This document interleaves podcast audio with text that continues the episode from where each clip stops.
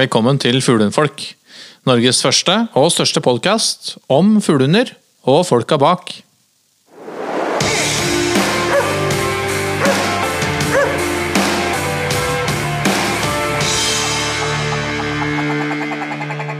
Kjære venner, vi er endelig tilbake igjen. Ja. Ja. ja. Hurra. Det kjennes godt å være i fjellet igjen, og det kjennes godt at det er lov å slippe igjen. Slippe hund, ja. Ja, Mm. Det er tida nå. nå er det tida. Ja. Og da ingenting passer seg vel bedre enn en liten, uh, liten uh, Fuglefolk-podkast-episode. Ja, men det er jo på tide, da. Vi har vel, det har vært litt travelt, og det har vært litt sånn ja. Ja, vi har ikke ligget på latsiden, selv om det, vi har hatt ferie. Kan høres sånn ut. Ja. Nei, vi hadde jo, eh, vi hadde jo um, eh, noen veldig veldig fine dager på, på ja, de nordiske jakt- og fiskedager på Elverum. Det var veldig gøy å snakke med masse, masse nye og kjente ansikter i uh, fuglehundfolkverden. Veldig, veldig spennende. Og det var temadag hund der på fredag. Ja. Som det var en forelesningsrekke, og som vi var så heldige å få holde det ene foredraget. Ja. Var artig. Det var ikke så varmt i år som i fjor, heldigvis, men uh, og litt varierende vær og en del vann uh, i, i foranledningen til, til, til, det, til arrangementet. Jeg var, Men, jeg var litt redd for at vi Ja, jeg sånn, tenkte at Glomma går over sine støvleskaft der. Ja, det, det hjalp når den der Braskereidfossbrua, eller demningen, fant sin egen uh, løsning. Ja. Da, da så det ikke så skummelt ut lenger. Nei, ikke sant. Det, det altså når vi kom dit Jeg, synes, altså jeg ringte jo dit et par dager før, bare fordi at jeg var litt sånn Jeg skulle holde foredrag og greiene og tenkte at ja, øh, blir dette noe av, tenkte jeg. Liksom, jeg må nesten høre det, så jeg, gidder jeg ikke å drive og forberede så veldig mye. Eh, Men å, jo da, på Elverum der var det fint vær, og nei, de hadde nesten ikke hørt om han derre Hans, de. Så Ja, det er det viktig å være positive. Men eh, det var jo noen av eh, utstillerne, inkludert våre venner i Ravne, som uh, måtte ta noen uh, heidundrende omveier for å helt tatt komme fra, fra, mm, fra nord til, uh, til Elverum. Da. ja, det var kanskje det, verste, det vanskeligste, den der med å komme dit, rett og slett. Ja, for mange. Fra hele Norge så var det jo liksom ja, Det er jo liksom Er det Skandinavias største jakthunutstilling, er det ikke det? Jeg lurer på det. Og da, så da, da kommer det jo antageligvis eh, hunder fra både her og der, og øst og vest og nord og sør. Så jeg tror nok en del kanskje hadde problemer med å komme fram. Ja. Ja. Det så ikke ut som det på lørdag. Da, da var det veldig mye folk der.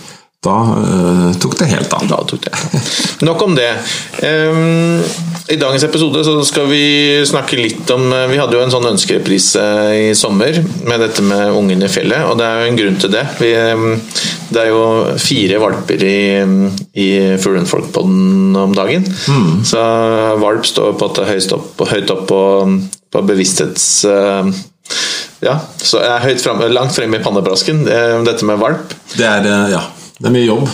Ja, det er ganske mye jobb, men uh, veldig morsomt og veldig spennende og veldig koselig med valp i hus. Absolutt. absolutt. Så um, det- Vi skal snakke litt om det, men før vi hopper inn i det, um, Bjørn, så um, Vi har snakket litt uh, oss imellom, og vi har veldig lyst til å så, gi de uh, som arrangerer prøver, Ja, litt taletid. Ja, det, det er en sånn tanke at, at eh, altså, veldig mange prøver har eh, en lang historie. Yep. Mye interessant, og mye har vært gjort, og mye jobb ligger bak. Og, og, og, og i det så er det jo også liksom et selvfølgelig et ønske for alle arrangører å, å få god interesse for prøvene sine. Så vi, vi fikk plutselig en idé om at eh, at uh, fuglehundklubber rundt omkring i Norge som har ei prøve som eh, de syns uh, burde snakkes litt varmt om, Ja. de uh, skal få litt taletid hos oss. Jeg, jeg, jeg, jeg tror det både for å måte senke terskelen for deltakelse, eh, kommunisere når og hvor, eh, høre litt om historien, eh, høre litt om arbeidet som gjøres lokalt i klubbene, eh, og ikke minst eh, kanskje senke, ja, senke terskelen for deltakelse. Da. Ja, Eh, og, så oppfordringen vår da, er at de fuglehundklubbene som skal arrangere prøver, de tar kontakt med meg på Espen fuglehundfolk. Jeg har snakket med mange av dere opp igjennom, og jeg har prøvd å stille litt med med ålreite, relevante premier når, eh, når vi har anledning til det. Men, men eh, nå har vi lyst til å bruke episodene til å, til å bygge opp uh, fuglehundprøvemiljøet litt. Gi de et, eh, en direkte talelinje til, eh, til et, eh, et ganske relevant publikum. Ja, det tror jeg Ja, det kan bli spennende. Ja, Kanskje. Det har gått til SIGO. Jeg syns jeg hørte om 500 påmeldte på en prøve her i Hallingdal. eller noe sånt. Oi.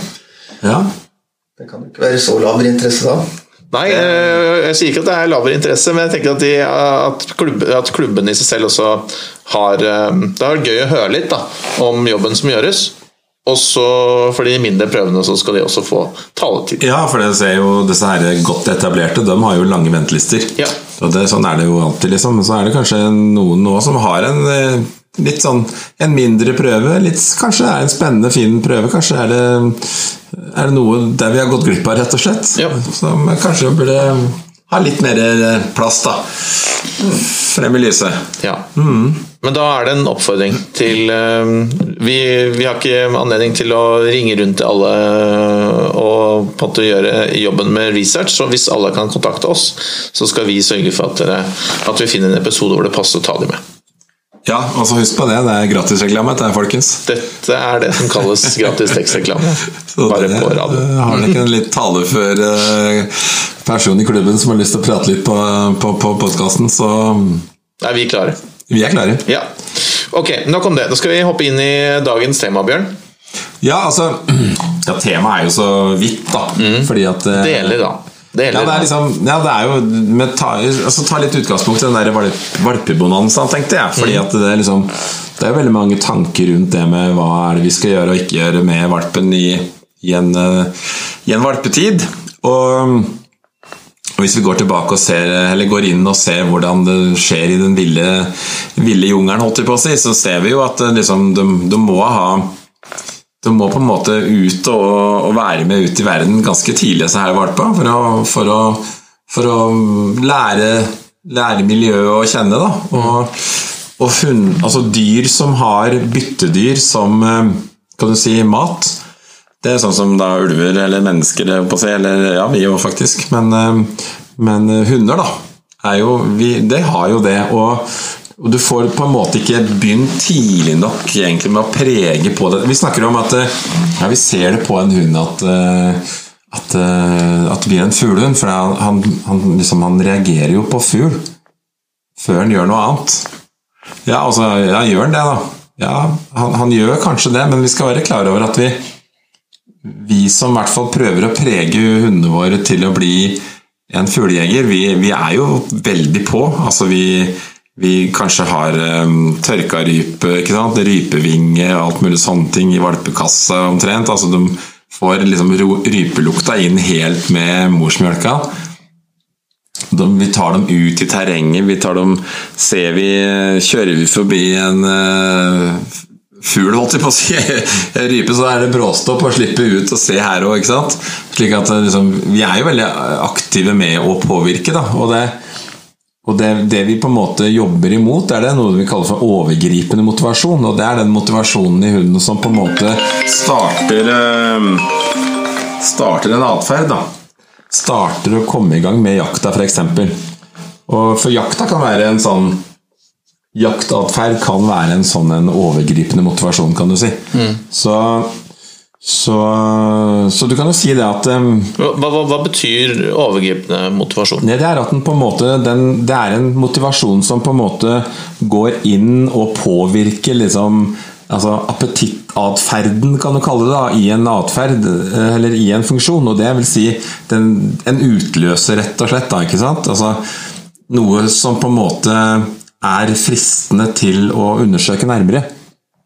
Ja. Som f.eks. en lukt. ikke sant? Lukt av noe. Når vi ser, når vi ser et, en hund som eh, slår på ei lukt La oss si at du har en elghund som du slipper bort på ferske elgspor, og så, og så ser vi at den reagerer på det, ikke sant? og, og vi, vi responderer med en gang. Wow, yes! ikke sant? Han, det er en elghund, han elsker å lukte de sporene. Og, og det valpen gjør, er jo å legge merke til akkurat det samme. At oi, dette her jeg gjør nå, det er veldig riktig. Sånn er det jo med fuglehunder og fuglelukt og alt det greiene der også. Så det er noen som på en måte hevder litt at eh, for at jakt jaktfunksjon, eller jakta i hunden, skal utløses, da, så skal det liksom på en måte være Altså Den vil kanskje lettere utløses hvis hunden er sulten. Og det er bare tull. Det er jo ingen Det er jo ingen fuglehunder i Norge i dag som er sultne.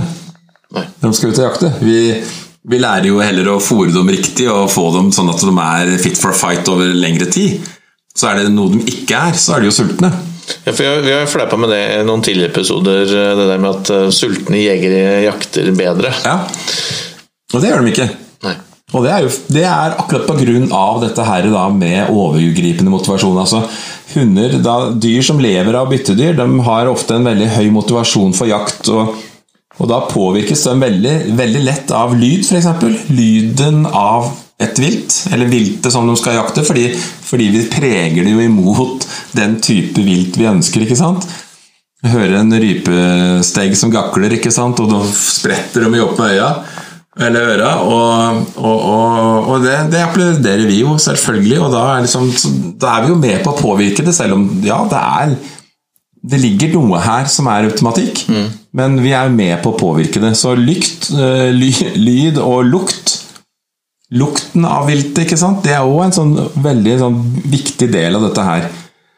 Lyd, eh, lukt og synet av viltet er liksom tre faktorer som på en måte eh, blir en sånn del av en overgripende si, motivasjon for å forfølge og utløse den såkalte appetittatferden. Um, Fins det eksempler på andre typer overgripende Ja, Motivasjon? Det, ja, det ligger jo i alle funksjonskretser i forhold til hva som på en måte er utløsende for for f.eks. For å forsvare flokken. At eh, flokken på en måte lever i en, sånn, en rolig biotop og alt er stille. Men der, se på reinsdyr, eksempel, har vi alltid en sånn simle som vi snakker om, som passer på hele greia. Hvis hun ser deg, da er det gjort. Da utløser hun, så hun, hun passer på er, og passer liksom hele har liksom en oversikt da, som gjør at når hun på en måte sier ifra, da forsvinner alle sammen. Eh, ja, altså, kanskje ikke direkte forsvar, det, men, men, men, men uh, likevel en atferd som på en måte er overgripende. Da, I forhold til at uh, noen har en, en, en slags litt sånn eh, overstyrende myndighet på det i tillegg. Da, at eh, altså, forskjellige oppgaver er litt sånn fordelt, da. Ja. Ikke sant?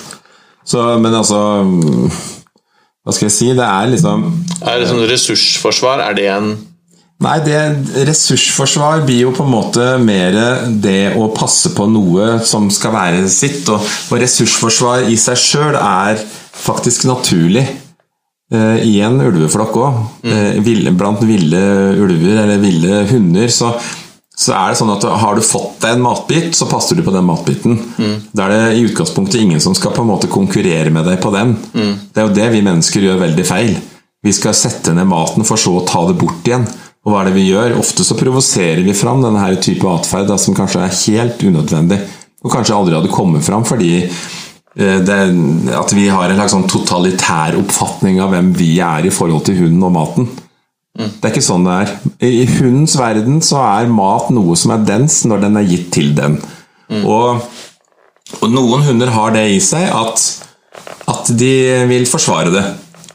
Andre hunder har eh, liksom den, den type atferd veldig dempa. Da.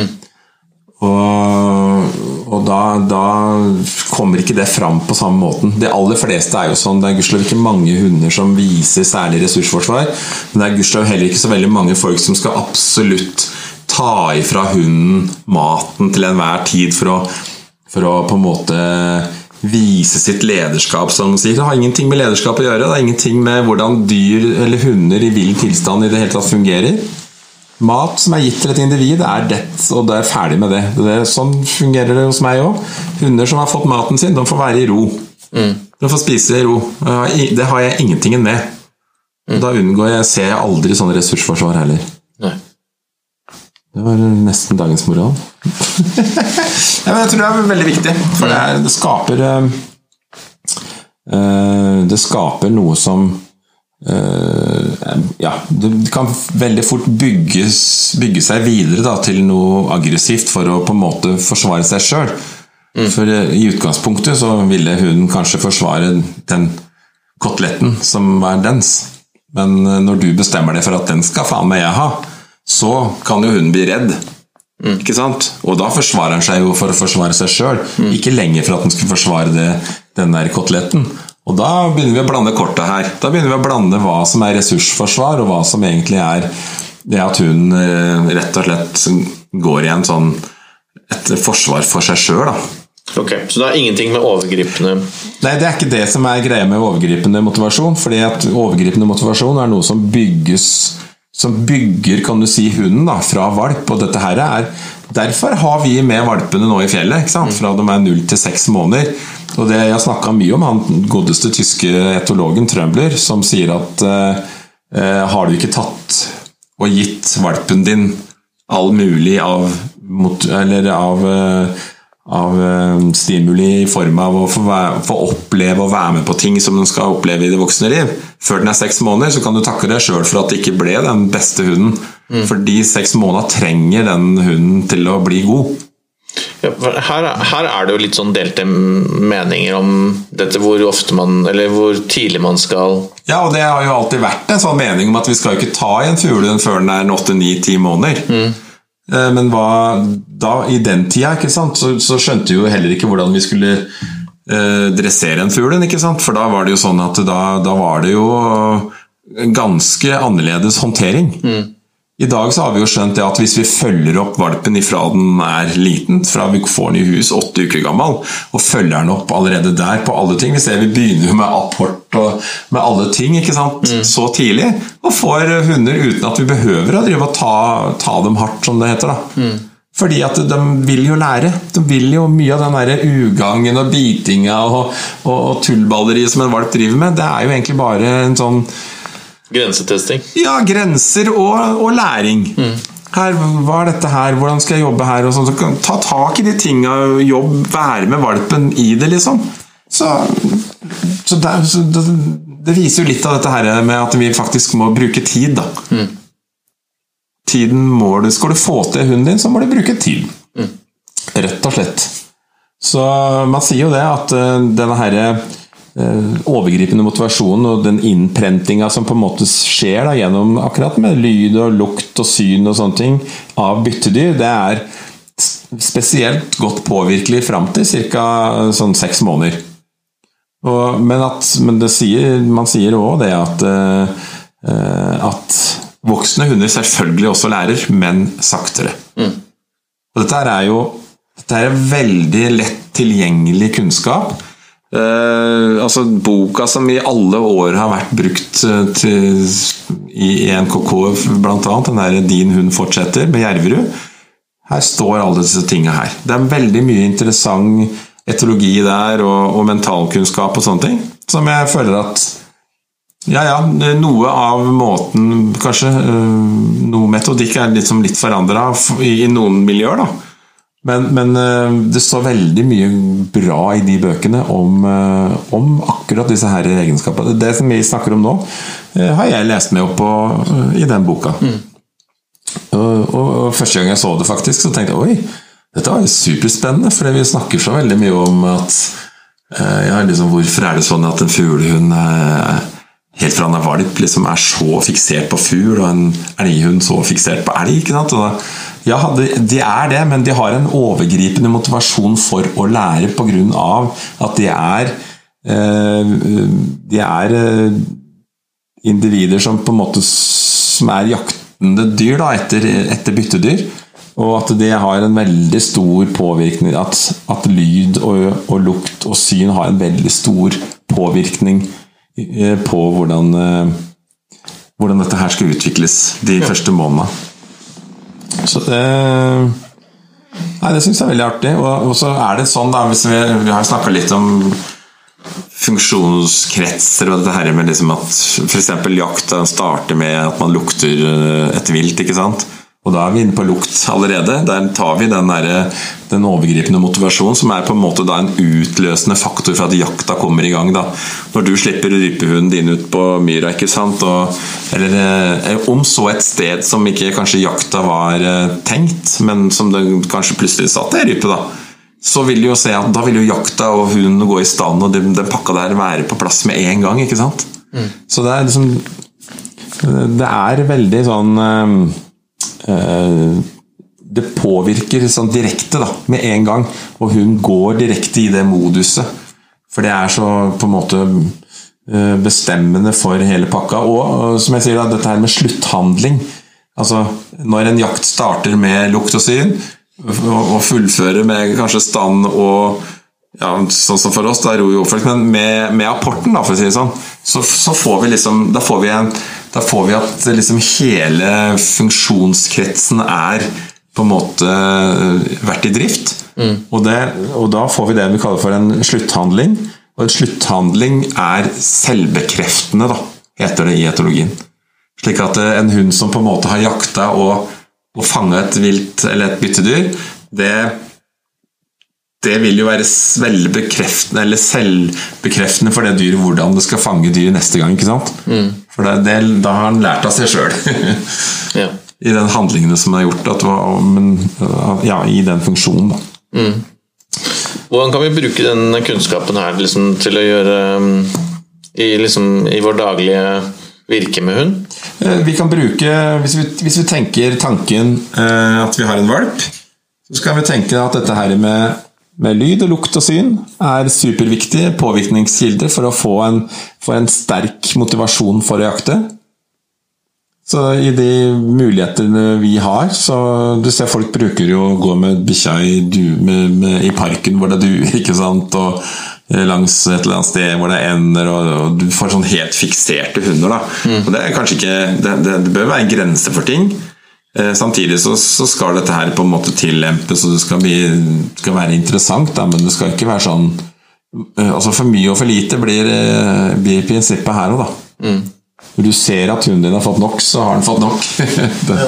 Vi kan jo være med på å forsterke det, det stresset i sånne situasjoner. At vi liksom blir veldig ivrige, og så roser kanskje ja. litt feil da, når hunden er på sitt mest oppjaga eller ja. løper etter og sånn, men vi syns liksom det er morsomt, for det er den første fuglen. og det er bra istedenfor å heller vente, avvente til du ser at eh, øra faller på plass på valpen, og kanskje kikker opp og ser på deg. Mm.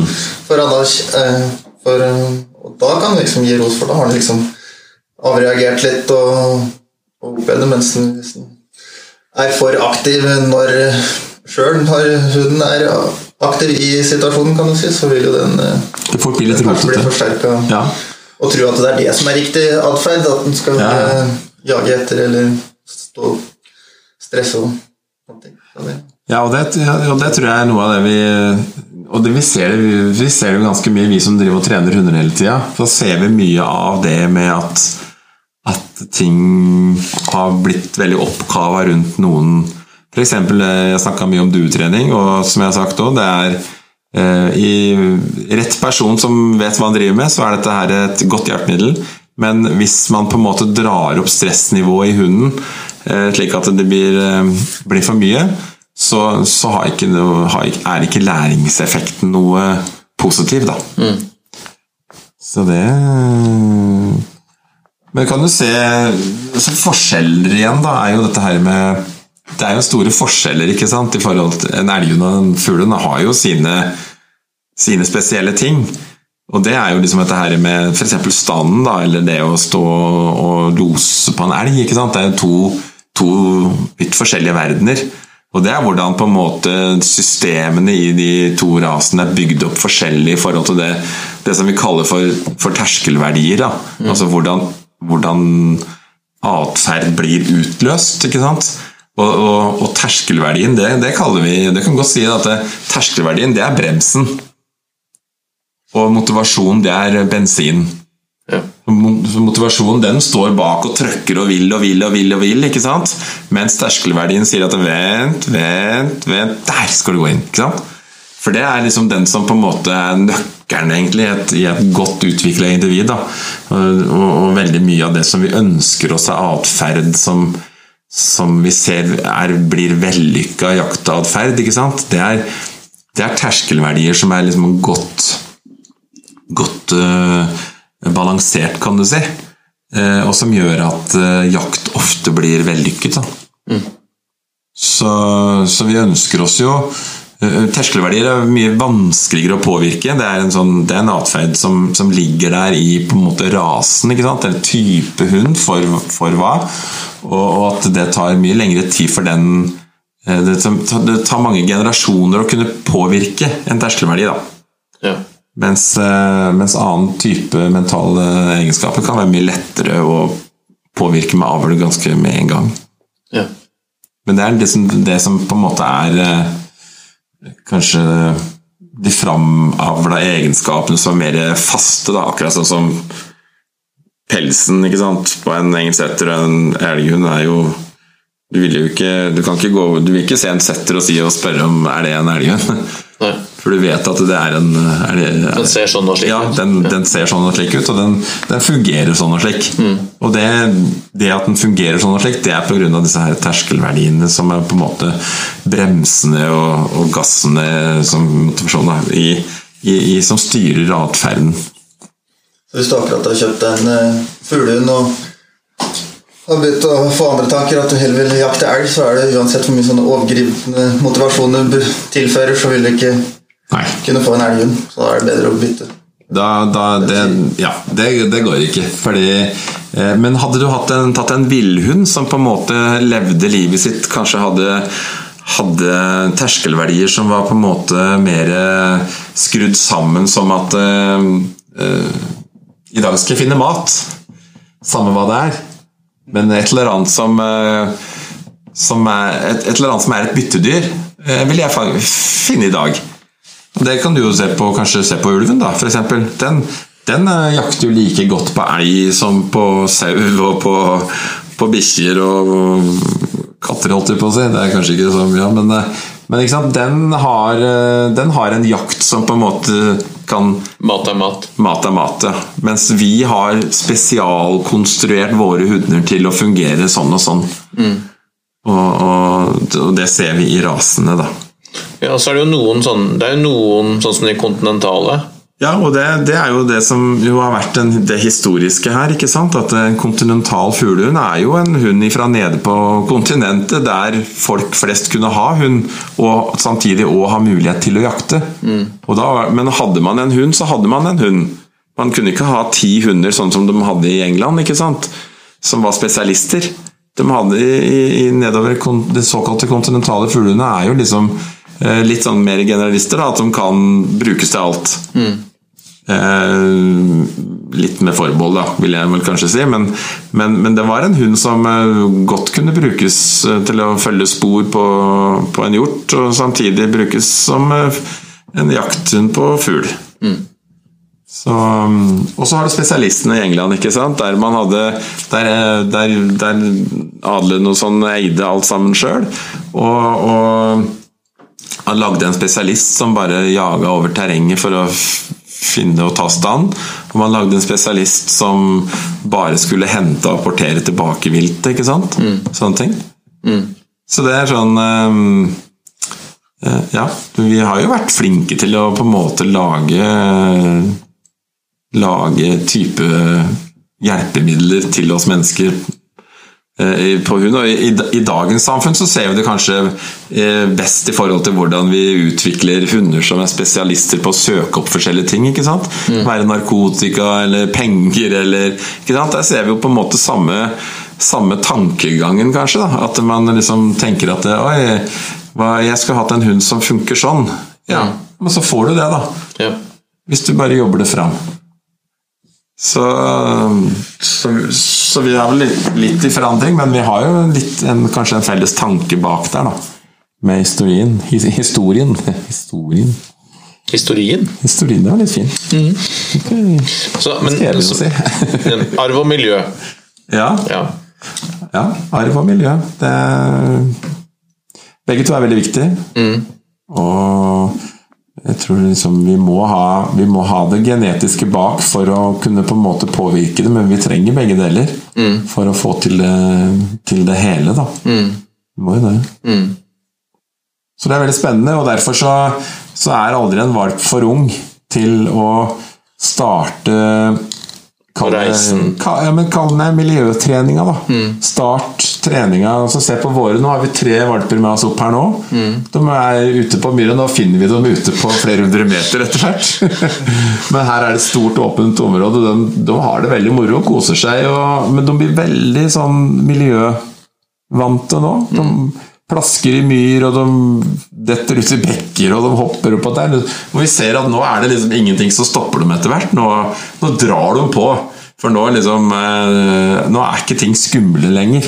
Det, jeg så det med kuling også. Liksom den, den, det, det å, det å liksom plassere beina riktig liksom, i ja, Det er bare det å lære seg bak i en ryggsekk?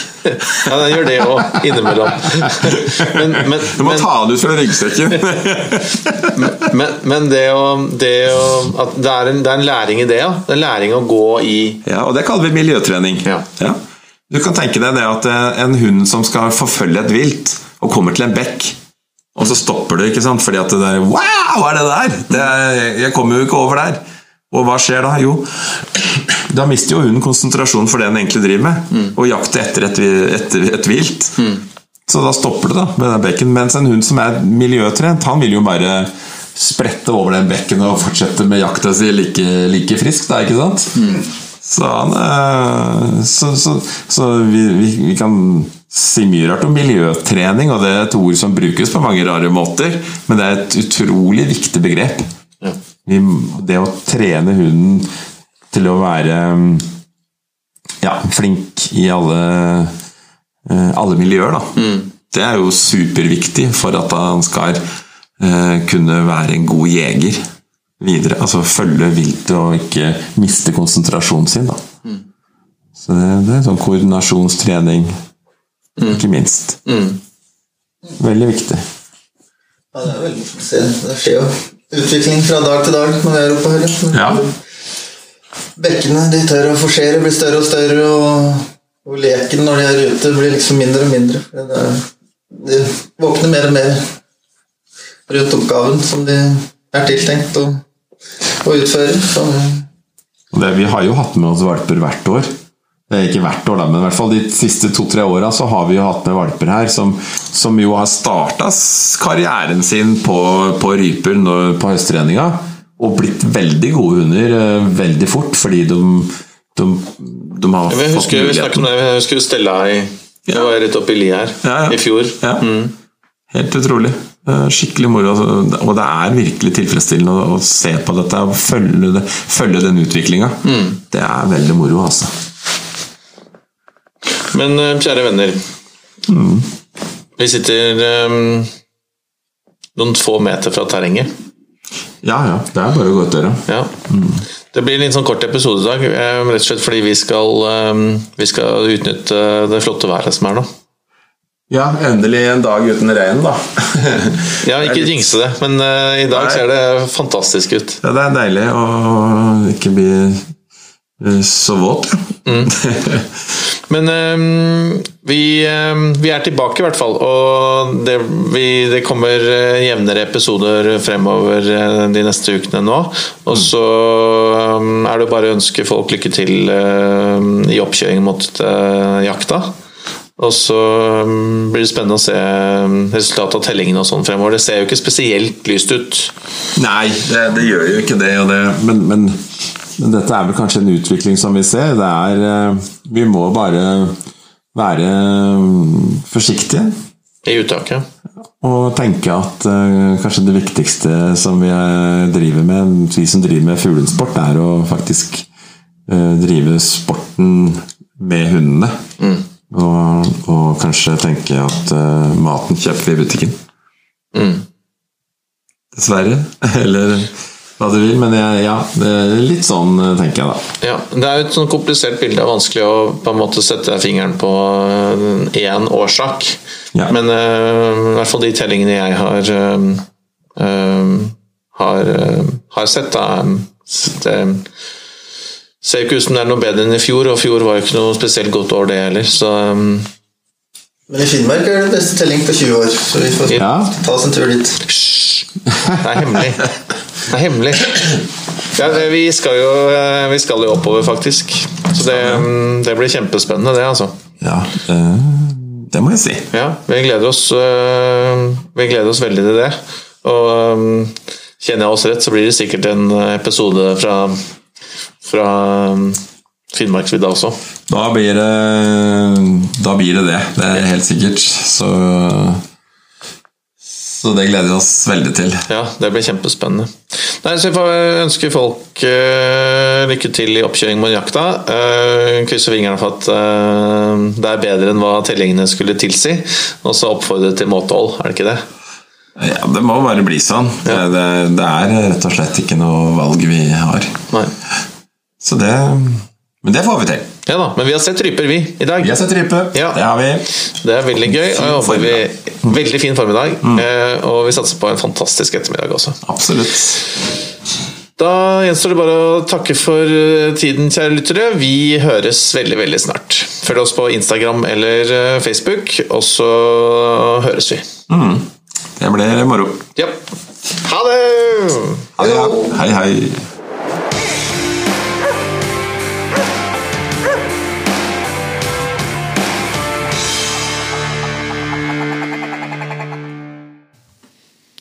Takk for at du hørte på Fuglehundfolk. Følg oss gjerne på Facebook eller Instagram. Her kan du komme med spørsmål, eller dele tips og råd du tror at vi andre kan ha nytte av. Vi høres!